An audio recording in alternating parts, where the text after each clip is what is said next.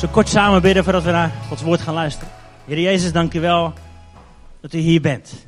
Dank u wel dat u hier wilt waaien met uw Heilige Geest. Heer, dank u wel dat waar uw woord geopend wordt, dat uw geest aan het werk is. We willen u ontvangen. Heer, zegen Kors wil bidden voor woorden van leven, woorden van wijsheid. Heer, we willen hem ook ontvangen. In uw naam. Dank u wel dat u hier regeert. Dat u ons aan het vrijmaken bent. Ook vandaag. In Jezus' naam. Amen. Yes. Even de klok aanzetten, anders uh, klets ik zo een uur vol. En dat wil ik jullie besparen. Yes. Oké, we zijn uh, met elkaar bezig met een serie over de gaven van de Heilige Geest. Eerst hadden we het over de persoon van de Heilige Geest. Afgelopen tijd gekeken naar de gaven van de Heilige Geest.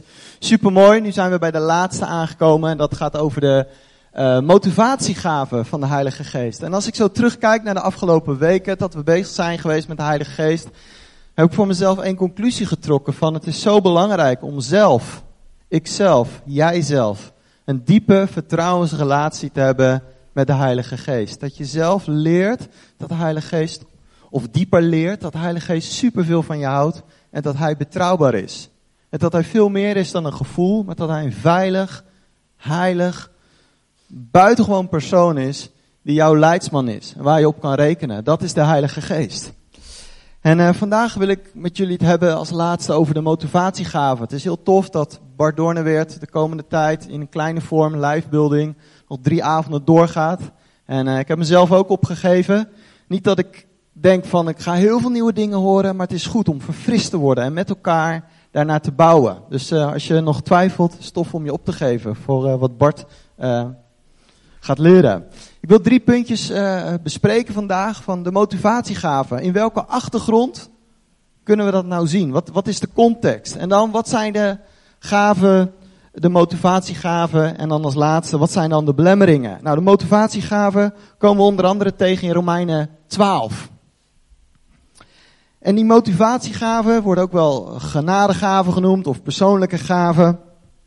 En uh, het is iets wat God aan een mens heeft gegeven. Het is genade. Het is niet zoiets wat je enorm kan verdienen of kan presteren of kan bewijzen. Nee, het is God die dat geeft. Ook zelfs dat die gaven stromen door mensen die hem nog niet kennen, stroomt die gaven gewoon. Super, super mooi. En het is tot opbouw van de kerk. Dan hebben we het niet alleen over de Connect-kerk, maar kerk Ede breed. God wil zijn gaven geven, zodat in elke stad, in Den Haag, in Rotterdam, in Ede, er licht is van zijn glorie. Dat de majesteit van God door zijn lichaam bekend wordt. In Romeinen 12, ik zal het even voorlezen, vers 4, makkelijke vertaling. Een menselijk lichaam bestaat uit vele delen. En die delen doen gelukkig niet allemaal hetzelfde. Zo is het ook met ons. Al zijn we met velen, door onze verhouding tot Christus vormen wij samen één lichaam. En we zijn stuk voor stuk leden van dat lichaam. We horen bij elkaar. De gave die God ons heeft gegeven, dat is verschillend. Wie de gave heeft om te profiteren, moet, in, moet die in overeenstemming met het geloof gebruiken. Wie moet helpen, die krijgt daar de kracht voor. Wie moet onderwijzen, krijgt de gave om te onderwijzen. Wie iets uit te delen heeft, krijgt de gave om eenvoudig te blijven en het zonder bijbedoelingen weg te schenken.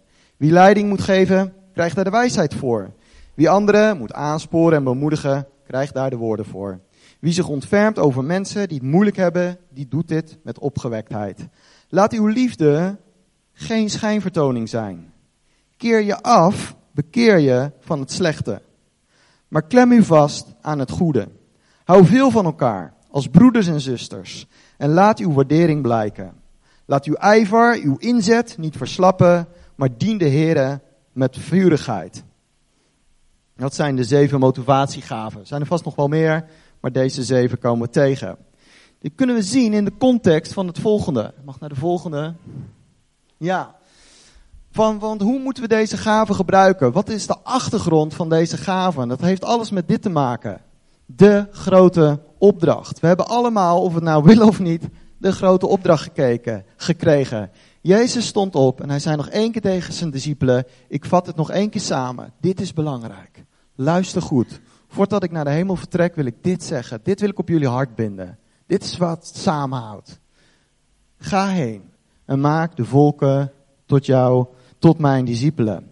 En wat ik soms zelf doe is, als ik, wat, ik ik, ik, lees al twintig jaar de Bijbel. En op een gegeven moment kan het een beetje duf worden en verveeld. Dat je denkt, oh ja, die tekst die kennen we wel. Wat ik soms wel eens doe, is dat ik een, gedeelte pak. En dat ik denk van, hoe zou ik dat nou in woorden die bij mij passen opschrijven? En zo heb ik een eigen, eigen parafrase gemaakt van bepaalde gedeeltes. En eentje heb ik van Matthäus 28. Daar staat, vers 18, over de grote opdracht.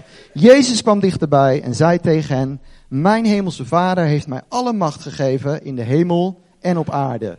Jullie werken met mij samen. Kom in echt contact met mensen en communiceer over mij. En maak alle mensen in jouw leefomgeving tot mijn leerling. En doop ze in de naam van de Vader, de Zoon en de Heilige Geest. En uh, daar heb je soms moed voor nodig om in echt contact te komen met mensen. Ook op je werk misschien. Je kan het leuk hebben over werk, je kan het hebben over voetbal, je kan het hebben over politiek, maar een stapje verder. Je hebt soms inderdaad dat je die angst even parkeert, een stapje verder gaat van hoe gaat het nou echt met jou? En ik denk die nabijheid, die, die toenadering is soms nodig, dat je uiteindelijk echt een goed gesprek hebt over waar het echt om gaat. Over de dingen van God. En dit is de opdracht uh, die we allemaal hebben. Daar mogen we over communiceren in woorden en in daden. En we doen dat met elkaar. Als we kijken naar de volgende sheet, dan uh, de, Bijbel spreekt over verschillende beelden over de kerk. De kerk van, van Ede, de kerk als lichaam. Ik heb er vier gepakt over onze identiteit. Want dat is heel belangrijk. Als we aan de gang gaan met de gaven van de Heilige Geest, is het belangrijk van wat is onze identiteit? Wat is onze rol? Als ik ga praten als stagiair met de burgemeester, dan is dat heel anders dan dat ik dat doe als president van Amerika. Wie je bent bepaalt heel veel over je handelingen. Als jij ergens naartoe gaat en het is je eerste dag en je bent een stagiair, dan zal je dat met veel minder autoriteit, met gezag en invloed en verwachting doen, dat dat je de president van een groot land bent. Dus het is belangrijk, wat zegt God over ons? Wie zijn we? Zodat je daarin beweegt. Als eerste zijn we met elkaar een lichaam. Uh, nee, sorry. We zijn als eerste een, uh, een gezin. Huisgenoten Gods. Dat vind ik zo tof. Met geestelijke ouders. Met geestelijke kinderen. Met geestelijke pubers. We zijn een familie. We zijn een gezin. Daarin is iedereen anders. Dat mag ook. Maar we hebben dezelfde vader en we zijn gered met hetzelfde bloed. En dat maakt ons in Ede en ook in heel specifiek in Connect Kerk ons broeders en zusters. Dan als, uh, als tweede ga ik even dwars doorheen. Dat is een uh, Japans mannetje. Dat moet voorstellen een lichaam. We zijn een lichaam met handen en voeten. We zijn allemaal anders. Andere materiaal. Maar we zijn een lichaam. We weten dat liedje van Ellie en Rickert, een hand en een voet. We hebben elkaar allemaal nodig. We kunnen niet zeggen, we kunnen niet zonder elkaar. En ook allemaal materiaal, ander materiaal. Hersenen heeft ander materiaal dan botten, dan spieren, dan weefsel. Het is anders. Maar we horen bij elkaar. Je kan niet zeggen dat ik zal zeggen van nou, uh, twee organen inleveren allemaal. Nee, we hebben elkaar nodig. We zijn belangrijk. Als derde wil ik naar een, uh, daarboven, soldaten, leger. En uh, wat denken jullie? Even interactie. Wat denken jullie als, aan, aan leger? Wat voor termen schiet er even bij, bij jullie naar voren als je denkt aan leger. Roep maar even wat. Strijder. Nog een keer harder. Nieuw gebied innemen. Supermooi. Nog een wat? Wapens. Heel goed. Wat? Sterven. Ja. Samen. Oorlog. Nog meer? Overwinning. Ja. Nog meer? Beschermen. Vijandelijk gebied. Nog iets over het karakter van de soldaten van het leger? Stoer, dapper, getraind, samen, gehoorzaam, nog meer? Held, ja? Gedisciplineerd, supergoed. Nou, dan uh, hebben ze allemaal. Even kijken hoor. Hoef ik niks meer te zeggen. Ja, inderdaad. Paulus zegt het hè, tegen Timotheus. We zijn soldaten van Christus. We zijn met elkaar een leger. Moed, heldhaftig, strijd gebied innemen, lijden, sterven. Er is een vijand. En soms um, besef ik niet altijd dat ik in het leger zit. Denk ik van, als ik, dus zo werkt het bij mij. Als ik een beetje geestelijke strijd heb of dingen, ga ik een beetje zielig doen. En een beetje slachtofferrol. En van, ah, moeilijk, geestelijke strijd is ook altijd wat. Weet je, was de hemel maar alleen op aarde. Als ik dan die brieven lees van Paulus, er is strijd, er is conflict, er is tegenstand. Het hoort bij een leger. We zijn een leger. Niet tegen elkaar, maar uh, tegen vijandelijk gebied. Dan uh, de bruid en de bruidegom. Nou, ging best wel goed. Roep maar wat. Ook de mannen, roep maar wat. Over bruid. Trouw, ja? Eenheid, mooi. Feest. Verbintenis, super. Nog wat? Schoonheid, ja, super. Verbond. Geliefd, altijd. Romantiek, jongens. Passie, passie, hartstocht, intimiteit, genegenheid, adoratie, beminnen, liefkozing. Ja, we zijn de bruid van Christus. Ik heb nooit, ik heb uh, heel veel uh, trouwerijen meegemaakt, anderen misschien nog wel meer. Ik heb nog nooit een trouwerij gezien dat de bruid en de bruid echt zo heel verveeld waren. En saai en zaggerijnig en ruzie en conflict. En tot halverwege de trouwdag die bruid een beetje zit te chansen met iemand anders. Of de bruidegom en zegt van, joh, uh, misschien volgende week een afspraak, hier is mijn telefoonnummer. Nee, je gaat helemaal in elkaar op. Je staat in vuur en vlam. Romantiek spatten vanaf. De rest die is eigenlijk, uh, ja, wat doen ze er allemaal bij? Weet je, een beetje taart eten en een beetje drinken. Maar hun hebben alleen maar oog voor elkaar. Ze eten elkaar bijna helemaal op. Weet je? De bruid van Christus. Dat is een beetje gek voor, voor ons als mannen, maar we zijn de bruid van Christus. Een van de Hebreeuwse termen is, we zijn zijn kostbare bezit. Een ander woord, als Jezus aan het kruis zegt, het is volbracht, dat woordje volbracht is ook in het Hebreeuws, heeft dat te maken met bruid, geliefd. We zijn bemind door God. De, de, de, de, de schepping begon met een bruiloft en eindigt met een bruiloft. Onze identiteit is dat we de bruid van Christus zijn. Dat betekent dat er vreugde is. Hij verblijdt zich met intieme grote vreugde over, de, over, de, over ons. Gaan we naar de volgende. Even kijken. Ja. En dat gaat erover van hoe kunnen we die identiteiten dan inzetten? Nou, zeven dingetjes. Als eerste profiteren. Ander woord zou ik kunnen zeggen dat is waarnemen. Dat heeft te maken met dingen zien, dingen ontdekken, dingen waarschuwen. In relaties, in organisaties, in kerken, in levens. hey, dit kan anders. Hier moet je opletten. Daar kan het een beetje de andere kant op gaan. Een profetische gave. Ontzettend belangrijk. Vorige keer hebben Oscar en Alfons al hele mooie dingen erover gezegd. Het is ook dingen benoemen. Eerlijk durven zijn. Niet in een geest van veroordeling en afkeuring en minachting, maar wel in een geest van scherpte. Ook waarschuwend, terechtwijzend. En, en het, ik vind het zo mooi dat God wereldwijd het begrip van profetie, want ik geloof de gemeente hoort profetisch te zijn, dat het te veranderen is. En dat we allemaal die profetische geest hebben. Vroeger waren het een beetje die middeleeuwse stoere cowboys, hadden we het beeld van profetie. Nu weten we, hebben allemaal die, eh, of de meeste of veel mensen wandelen in een deel van profetie. Dat is super tof. En um, um, wie bij zichzelf heeft zoiets van, ik herken mezelf een beetje in die gave van profetie. Dat God woorden van leven, woorden van bemoediging en troost uh, uitspreekt door mij heen. Wie, uh, wie herkent dat? Even vingers. Is misschien wel leuk. Even schaamte doorbreken. Ook degene die twijfelen of denken van, ik wil erin groeien. Gewoon even je vinger op. Super tof. Super gaaf. Moet je kijken. Wauw. Fantastisch. Dan heb je de tweede, dat, is, dat zijn de helpers. Dat zijn de mensen die praktisch ingesteld zijn. Stoelen sjouwen, handen uit de mouwen, koffie schenken, podium bouwen. Soms denk ik van vier, vijf ballenhouders op. Allemaal taakgroepen zijn ze mee bezig. Dat zijn de helpers. Die denken ook vaak, dat is een beetje het negatieve. Waarom doen die anderen zo weinig? Dat komt omdat zij die gaven, die energie hebben om veel te doen. Veel actie in de taxi te hebben. Zijn van die mensen, hun favoriete bijbeltekst is, met die banaan. Weet je, kom op. Ja. Wie herkent zich hierin? Wie zegt van nou, dat, dat ben ik wel? Oh, ik hou van dat soort mensen. Heerlijk in mijn omgeving meer weer. Super tof. Halleluja. Derde is, dat zijn de onderwijzers. Dat zijn degenen die onderzoeken, kritische vragen stellen, soms een beetje lastig zijn, veel lezen, grote boekenplank. Wat werkt het beste? Dit en dat.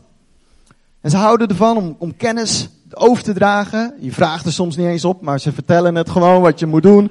Toerusten, discipelen, verder helpen. Wie herkent zich daarin? Van nou, ik vind het leuk onderzoeken, overdragen, kennisoverdracht. Ja, ah, vast wel meer. Kom op, super. Ja, het aantal ben ik helemaal mee eens. Super gaaf. Tof. Ja, fantastisch. Die mensen zijn hartstikke mooi en nodig. Dan uh, een andere, dat is de vierde. En dat is een beetje lastig in christelijk Nederland. Dan hebben we het over het financieel uitdelen. Dat, dat God ook genade. Het is niet zoiets dat je zelf die gave hebt gepresteerd of dit. Maar dat God het je heeft gegeven om financieel het goed voor elkaar te hebben. Um, ik heb een uh, goede vriend buiten deze gemeente. En uh, zolang ik hem ken, dat is bijna iets van 15 jaar of zo, is het de meest, een van de meest vrijgevige personen in mijn leven. En is het tijd geweest dat hij gewoon normaal salaris had. Hij was de meest vrijgevige persoon die ik ken. Toen ging hij door een heel financieel crisis, een heel financieel dal. En wat me zo verbaasde, is dat hij nog steeds zo vrijgevig was. Bijna dat ik me lullig voelde. Zo vrijgevig, zoveel geven dromen van andere mensen waar willen maken. En nu gaat het financieel supergoed. Hoeft hij maar een paar dagen te werken per week. Echt uh, heel klein. Enorm veel geld. En je ziet het. Vrijgevig, vrijgevig. En wat zo mooi is, dat hij dat geld, net als Jozef, wil gebruiken. Niet zozeer voor zichzelf, maar om andere mensen en roepingen en bedieningen en dromen vrij te zetten. Super tof. Dat is genade van God. Wie heeft zoiets, dat ben ik al, of daar zou ik in willen groeien? Ik merk van, God, God wil me daarin gebruiken. Laten we de schaamte doorbreken. Wie heeft zoiets, ja, dat, dat herken ik. Ja, super tof. Super gaaf. Dat God je um, genade wil geven om het zelf goed te hebben, maar aan de ene kant eenvoudig te leven om veel weg te schenken. De, de volgende, gaan we naar de volgende. Ja, de leider, Arjen Robben. Nou, een man met een missie. Als hij niet geblesseerd is tenminste, weet je? een man met visie, met een werkwijze. Hij weet, we gaan wereldkampioen worden. Die kant op. Een strijder. Kwaliteit op de beslissende momenten wil hij staan en aanvoeren. Met Robin in je team kunnen de meeste voetballen. Hij maakt mensen beter. Neemt verantwoordelijkheid. Hij is de leeuw onder de dieren. Hij heeft een sterke rug. Hoe vaak hij niet teruggekomen is van een blessure. Negen van de uh, waren er al mee gekapt. Hij gaat door, volhardend. Een leider, kwaliteiten. Brengt anderen in hun kracht. Droomt over anderen. En zegt, ik ga die kant op. Leiderschap heeft te maken met positieve beïnvloeding. Wie herkent zich daarin? Het heeft niet zozeer met een rol of een positie te maken. Maar dat je denkt, ja, ik ben geroepen voor leiderschap. Wie herkent zich daarin? Vast wel meer. Kom op, geen schaamte. Yes, ik ben een leider. Halleluja. Yes. God heeft me geroepen om vooraan te lopen, om te dienen, om te bouwen. De zesde, dat is de aanmoediger. Het zijn mensen met woorden van troost, van leven. Je groeit ervan. Je kent het bekende verhaaltje misschien wel. Er was ooit een voetballer die stond in de belangstelling van verschillende voetbalclubs. Hij sprak toen met de trainer van een beroemde voetbalclub. Hij ging uit de, de, uit de, na dat gesprek had hij zoiets. Wauw, deze coach is echt een van de allerbeste coaches ooit. Toen ging hij naar een andere voetbalclub om daarmee te praten met zijn zaakwaarnemer. Toen, kwam, toen had hij gesprek met die coach. Toen ging hij weg. Toen had hij zoiets. Wauw, misschien word ik wel de allerbeste voetballer ooit. Waarom? Omdat die coach niet zozeer pronkte over zichzelf, maar hem vertrouwen gaf. Kwaliteiten aanmoedigde, hem prees. En hij groeide ervan. Dat is degene van de aanmoediger.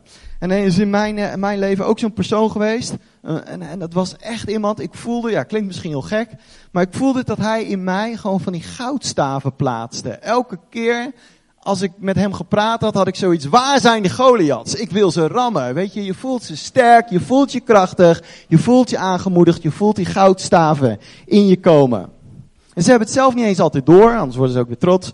Maar ze zijn van die aanmoedigers. Het is heerlijk om met hen te praten. Het is niet de mensen die je zielig vinden, nee, maar je verder helpen, je aansterken, je, je doen groeien. Wie herkent dat van zichzelf? Van ja, ik ben zo'n persoon. Ik heb zo'n roeping of ik wil erin groeien. Om andere mensen woorden van leven te geven. Super gaaf. Super tof. Het, zijn niet eens, hoeft niet altijd veertig zinnen te zijn. Soms kan het één zin zijn die iemand verder helpt. Als laatste, dat is de header, of de, de gave van ontferming. Herderlijk, zorg, ontferming. Voor, voor de gebrokenen, voor de verslaafden, voor de psychiatrische patiënten. Degenen die uitgekot zijn door de maatschappij. Als, als, iemand, als het moeilijk gaat met iemand of iemand heeft een slecht bericht, is de eerste die een kaartje stuurt of langs gaat of, of, of belt. En weet je, in Ede zijn zoveel mensen eenzaam. Ik werk nu, de meeste weten jullie dat, als ambulant begeleider bij de psychiatrie. Ede is ziek met mensen die eenzaam zijn. Twee voorbeelden. Ik was pas bij iemand thuis. Een jongen van mijn leeftijd, heel mooie kamer. En uh, we hadden een heel leuk gesprek al een paar keer. Die man heeft last van heel veel stemmen in zijn hoofd. Verschrikkelijke dingen die in zijn hoofd afspelen. Afschuwelijk, gruwelijk. En toen vroeg ik aan hem van, joh, wanneer is de laatste keer dat je bezoekt? Echt een mooie kamer, super mooie kamer. Wanneer is de laatste keer dat iemand hier gewoon een bakje koffie of een filmpje heeft gekeken? Hij zegt, ja, dat is wel een tijdje terug. Ik zeg, nou, hoe lang geleden is het dan? Ja, ja, het is wel 13 jaar geleden. 13 jaar. En als ik dan kijk waar hij woont en hoeveel kerken er omheen zitten, er zitten er echt in een schaal van een paar kilometer tien kerken. En dan denk ik, maakt mij niet uit wie. Maar hoe kunnen we zo'n persoon bereiken? Ander verhaal, Lisette zei dat ook al laatst. Uh, er was een man met wie ik een gesprek had. En ik kom daar maar een half uurtje per week. Meer mag ik daar niet komen. Mag wel komen, maar daar word ik niet voor betaald. Maar uh, uh, ik had dus een gesprek en ik nam afscheid. En van zijn huis naar de stoplichten is ongeveer vijf minuten lopen. Het regende, ik pakte mijn fiets en hij liep met mij mee. Op zijn sokken gewoon, zonder jas. Omdat hij nog contact met mij wou. En dat heeft niet zozeer met mij te maken, maar het is de liefde van Jezus die in mij woont. Denk van, wat een eenzaamheid. En ik vind het super tof wat we van de week hebben gedaan met Connect Kerk, met, met, de, met, de, met de samenwerking met de meeting, om praktisch een geluid te maken aan die geest van eenzaamheid en individualiteit en, en isolement. Super tof. Ik denk van, daarin mogen we nog echt heel veel groeien. Die herderlijke zorg. Wie herkent dat? Of wie wil daarin groeien? Van, dat, dat wil ik zijn. Iemand met ontferming. Super tof. Yes. Wauw, super gaaf. Tof, dat hebben we nodig. Wat zo apart is, is dat wel iedereen anders reageert op situaties. Laat staan dat straks hebben we natuurlijk, volgens mij we weer lunch hè, vandaag. Of we hebben weer lunch. Laat staan dat ik een uh, dienblad heb en dat ik onhandig ben. En dat ik zo omval en uh, allemaal van die kopjes en schaaltjes die breken. Hele grote zooi, koffie, limonade, overal. Dus zal iedereen vanuit die motivatiegaven, dit is niet het profetisch woord wat straks gaat gebeuren trouwens, maar dan gaat iedereen anders reageren. De profeet die zegt, ja, dat zag ik al aankomen. De helper die gaat gelijk uh, helpen, dweilen, stofzuigen, opruimen, van alles en nog wat. De onderwijzer zegt, ja, ik zal het even uitleggen. Kijk, als je zo loopt, met zo'n zo dienblad, ja, dan kan er dat en dat gebeuren. Je kunt het beter zus en zo aanpakken. De uitdeler die zegt zo, die borden en die schalen, dat kost wel wat. Weet je wat, ik betaal het wel. Maak je geen zorgen, ik betaal het. De leider die gaat organiseren. Jij doet dit, ik ga dat doen. Als jij dat dit en jij even naar de Albert Heijn, nieuwe spullen dit. Kijk uit voor het glas voor de kinderen. De aanmoediger die zegt in, waar iedereen bij is, joh, kan iedereen gebeuren, maakt niet uit. Uh, hebben we allemaal wat. Uh, niemand is perfect. Kijk, ik zie dat Jantje al helpt. Supergoed. Pietje gaat al naar de boodschappen. Fantastisch. Dat is de aanmoediger. En de ontfermer die zegt als laatste, kom maar even mee Kors. Even, even apart. Bakje koffie, zakdoekje. Komt allemaal goed. Komt allemaal goed. Komt allemaal goed. Ja, dat heeft dat de gave. Tot slot zijn er soms beren op de weg waar je voor kan zorgen dat je niet verder groeit. Dat je niet verder groeit. Uh, volgende plaatje. Ja, twee beren op de weg. Er zijn er vast wel meer, maar twee beren. Een van die beren is dat we een verkeerd beeld hebben van Jezus. Uh, zoals de meesten van jullie weten, heb ik een tijd gewerkt bij het leger des Heils. En op een gegeven moment uh, werkte ik bij Morève. Dat zat tegenover het station Ede-Wageningen. Er kwamen de meest bijzondere figuren binnenlopen. En op een dag werkte ik. En een hele drukke dag. En ik zag een man binnenlopen. hele grote baard, lang haar, beetje vies en een stonk. Had allemaal witte kleren aan. En ook van die witte eh, van die sandalen en handschoentjes. En ik dacht nog bij mezelf, ah joh, dat lijkt wel Jezus uit zo'n Jezus-film, weet je. En uh, nou, ik druk met koffie en regelen. Dus op een gegeven moment, ik geef de beste man een handje. Ik zeg, hoi, Korstian, uh, wat kan ik voor je doen? Wie ben je? Ik pak een formulier erbij. Hij zegt, hoi, Korstian, ik ben Jezus van Nazareth. Oké. Op dat soort momenten zijn die boeken van Adrian Plas echt verschrikkelijk. Die had je nou niet moeten lezen. Ik zeg, oké, nou, uh, welkom, uh, welkom hier. Uh, leuk. Uh, hij zegt, geloof je in mij? ja. nou, ik geloof wel in Jezus, zei ik. Ik zeg, ik pak pen en papier erbij. En toen zei ik van, wat was je naam? Jezus van Nazareth. Dus ja, ik schrijf het maar op. Ik zeg, oké, tweede vraag. Waar kom je vandaan? En hij zegt, ja, weet je dat er niet? Waar ik vandaan kom? Ik had wel daar een idee van waar deze beste man vandaan kwam. Ik zeg, nee, maar ik ben natuurlijk professional, dus vul ik dat niet in. Dus ik zeg, nee, ik heb geen idee. Hij zegt, ik kom uit de hemel. Oh, oké. Ik zeg, nou, oké, ja, dan schrijf ik dat op. Derde vraag, is dat binnen of buiten de regio? ja, oké. Buiten de regio. Gemeente ook weer blij, want die houdt het allemaal bij. Dus, uh, maar goed. Uh, op een gegeven moment uh, hij netjes Bijbel lezen. Dat had ik wel een beetje verwacht. Dat paste in mijn kader. En de tijd ging voorbij. En op een gegeven moment zie ik hem shaggy roken. Had ik even niet verwacht. Had ik niet zien aankomen. Jezus met de shaggy. Maar goed. Um, Maar op een gegeven moment zei ik van, joh, dan en dan is het tijd. Dan moet u het pand verlaten, want er wordt de dagopvang, wordt de nachtopvang. En we hebben maar een aantal bedden en die zijn al gereserveerd. Nou, hij ging met allemaal andere mensen praten. En toen werd het tijd. Dus ik naar die man die dacht dat hij Jezus was. Van, joh, eh, beste meneer, het is uh, tijd. Uh, u mag gaan. En toen werd hij heel boos op mij. En hij zei allemaal bijbelteksten. Hij zegt, is het weer zover? Er was vroeger al, toen ik baby was, was er geen plaats in de herberg. En nu is er weer geen plaats in de herberg voor mij. En ja, met hun mond beleiden ze, maar hun hart is ver weg. En overal is wel een Judas. Weet je dat het overal een Judas is? En hij keek me heel indringend aan en ik werd een beetje bang en geïntimideerd. Toen zei ik, ja, ja, dat klopt, maar het is nu tijd. Morgen kunt u het weer proberen. Hij kwam tot de zijnen, ze hebben hem niet herkend. Ik, hij kwam tot de zijnen, ze hebben hem niet herkend. Ik zeg, ja, sorry, dat, ja, u moet toch gaan werkers van de wetteloosheid. En hij wou niet weggaan. En dan hadden we een afspraak dat we iemand van de politie belden. Ik denk, ja, dat is ook wat. Moet ik de politie bellen omdat dat Jezus niet in dit gebouw mag? Maar goed, ik de politie bellen. Jan Hamer, hele toffe kerel was dat. Uh, onze contactpersoon. Dus ik zeg, Jan, uh, ja, er is iemand die weer eens niet weg wil. Zei ja, hoe heet hij dan? En toen toen zei ik, ja, uh, hij noemt zich Jezus. Oh, oké. Hij zegt, ja, volgens mij hebben we daar vanmiddag ook al trammeland mee gehad in het centrum. En dan toch, door die Adrian Plasboeken ga ik toch denken, hij zal toch niet brood in wijn hebben veranderd? Of uh, water in wijn veranderd en brood, brood vermenigvuldigd? Toch even, schrik je eventjes.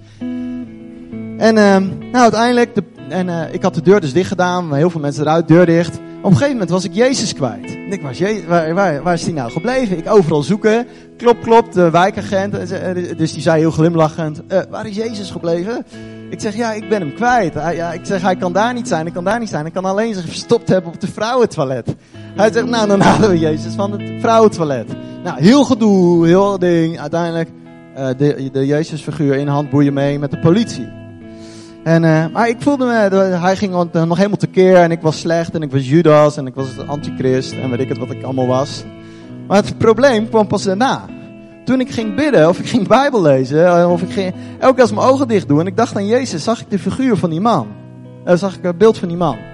En ik werd een beetje bang. Die man had me echt een verkeerd beeld. Natuurlijk, dat is heel sneu voor die man. Er is van alles aan de hand. Die heeft goede zorg nodig. Maar die man representeerde op een verkeerde manier Jezus. En ik had er last van. Ik had er weken last van. En zo kan het misschien ook in jouw leven zijn dat er mensen zijn geweest, misschien één, misschien meerdere, die een verkeerd beeld hebben gegeven van Jezus. Waardoor je zoiets hebt van, joh, ik ga even lekker achterover zitten, comfort, rustig aan, het is allemaal wel best. In plaats van uitstappen in de gaven, de talenten en de roepingen die God aan jou heeft gegeven om deze stad te bereiken, om invloed te hebben in jouw leefomgeving.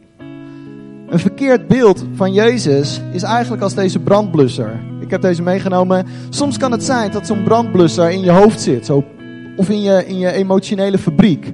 Elke keer dat je denkt, ik wil uitstappen, of ik wil een verschil maken, of ik ga wel eens met de buren praten, of ik nodig die en die collega uit van, ja, maar wie, wie ben ik? Waar slaat het op? Waar, wat, wat heb ik te bieden? Wat is het verschil? Het zijn die brandblussers. Elke keer als een positief vonkje um, ontvlamt, is die brandblusser van, pst, gelijk weer naar beneden. Gelijk als een, als een negatief effect.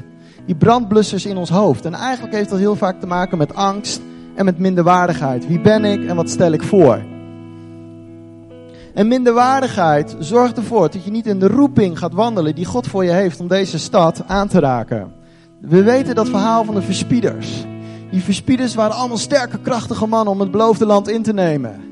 Maar op, Caleb en Joshua, die gingen het land in. Want in hun was een andere geest, een andere houding. Die andere gasten, die zeiden, joh, we zijn sprinkhanen, hartstikke klein. Zo denken we over onszelf, hartstikke klein, niks te vertellen. We zijn mieren, sprinkhanen. En zo zullen die andere gasten ook wel over ons denken. Op een gegeven moment zegt God tegen Gideon, Gideon, Jij sterke held, krachtpatser. En Gideon kijkt om en denkt, tegen wie heeft hij het? Ik ben een mietje, ik kom uit slechte stam, uit slechte familie. Waar zijn de wonderen en tekenen? Ik stel niks voor. En God zegt opnieuw, Gideon, jij bent een sterke held. Jij bent dapper. Je hebt misschien van alles meegemaakt. Je bent door grote stormen gegaan, door grote moerassen. Je had bij wijze van spreken, net als Robben, al een paar keer kunnen zeggen, kap ermee. Mij zie je niet meer op het wedstrijdtoneel. Laat mij maar lekker, lekker mijn geld tellen. Dat, dat God zegt van, kom op. Je wees sterk, wees moedig, wees krachtig. Als één ding God vaak in de Bijbel zegt, wees sterk, wees moedig, wees krachtig. Om in jouw leven geluid te maken naar anderen. Dat is onze verantwoordelijkheid. Om geluid te maken in liefde, in daden naar anderen. En dit is heel vaak angst, ook in mijn leven, angst die ons tegenhoudt. Angst, wat zullen andere mensen denken? Wat als het niet werkt? Wat als het faalt? Het zal wel werken bij die gast, want die is gezalfd en die kent de juiste mensen, maar bij mij het zit er niet in. Dan denk ik van, we hebben allemaal een taak. We zijn koningen en priesters. Dat is het volgende thema waar we naartoe gaan. We zijn koningen en priesters om de geweldige daden van God bekend te maken. En kun je niet alleen, heb je elkaar in nodig. En uh, ik wil echt gaan afronden, het is al lang weer tijd. Maar, maar Misschien dat je denkt van ja, ik merk bij mezelf een stuk roeping op die gebieden, maar het komt er niet uit. Misschien ben je heel gefrustreerd. Het kan zo zijn dat, dat er iets is dat de duivel ziet van hé, hey, die persoon heeft een bijzondere roeping, die heeft een bijzondere gave, die kan mij bekendmaken aan heel veel mensen, die kan iets van mij weer spiegelen. En uh, Misschien denk je van ik wil echt doorbreken. Ik wil de komende weken, maanden een proces van doorbraak zien. God kan het in één keer doen. God kan ook een proces starten van doorbraak. En wil ik je vragen om iets heel moedigs te doen. Om gewoon uh, naar voren te komen. Je kan aan de zijkanten, dus daar niet zo'n spotlight. Gewoon aan de zijkanten en dan wil het gebedsteam. Als het gebedsteam wil komen, die wil echt voor je bidden. Van die stukje minderwaardigheid of stukje belemmering of blokkade of hindernis. Wil God... van je afnemen.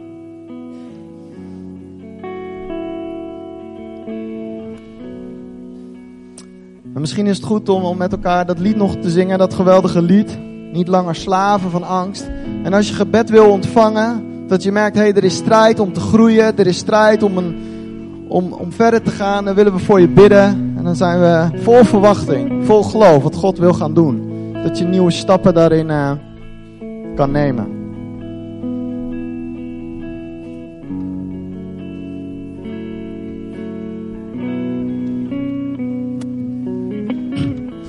Kom gewoon lekker naar voren.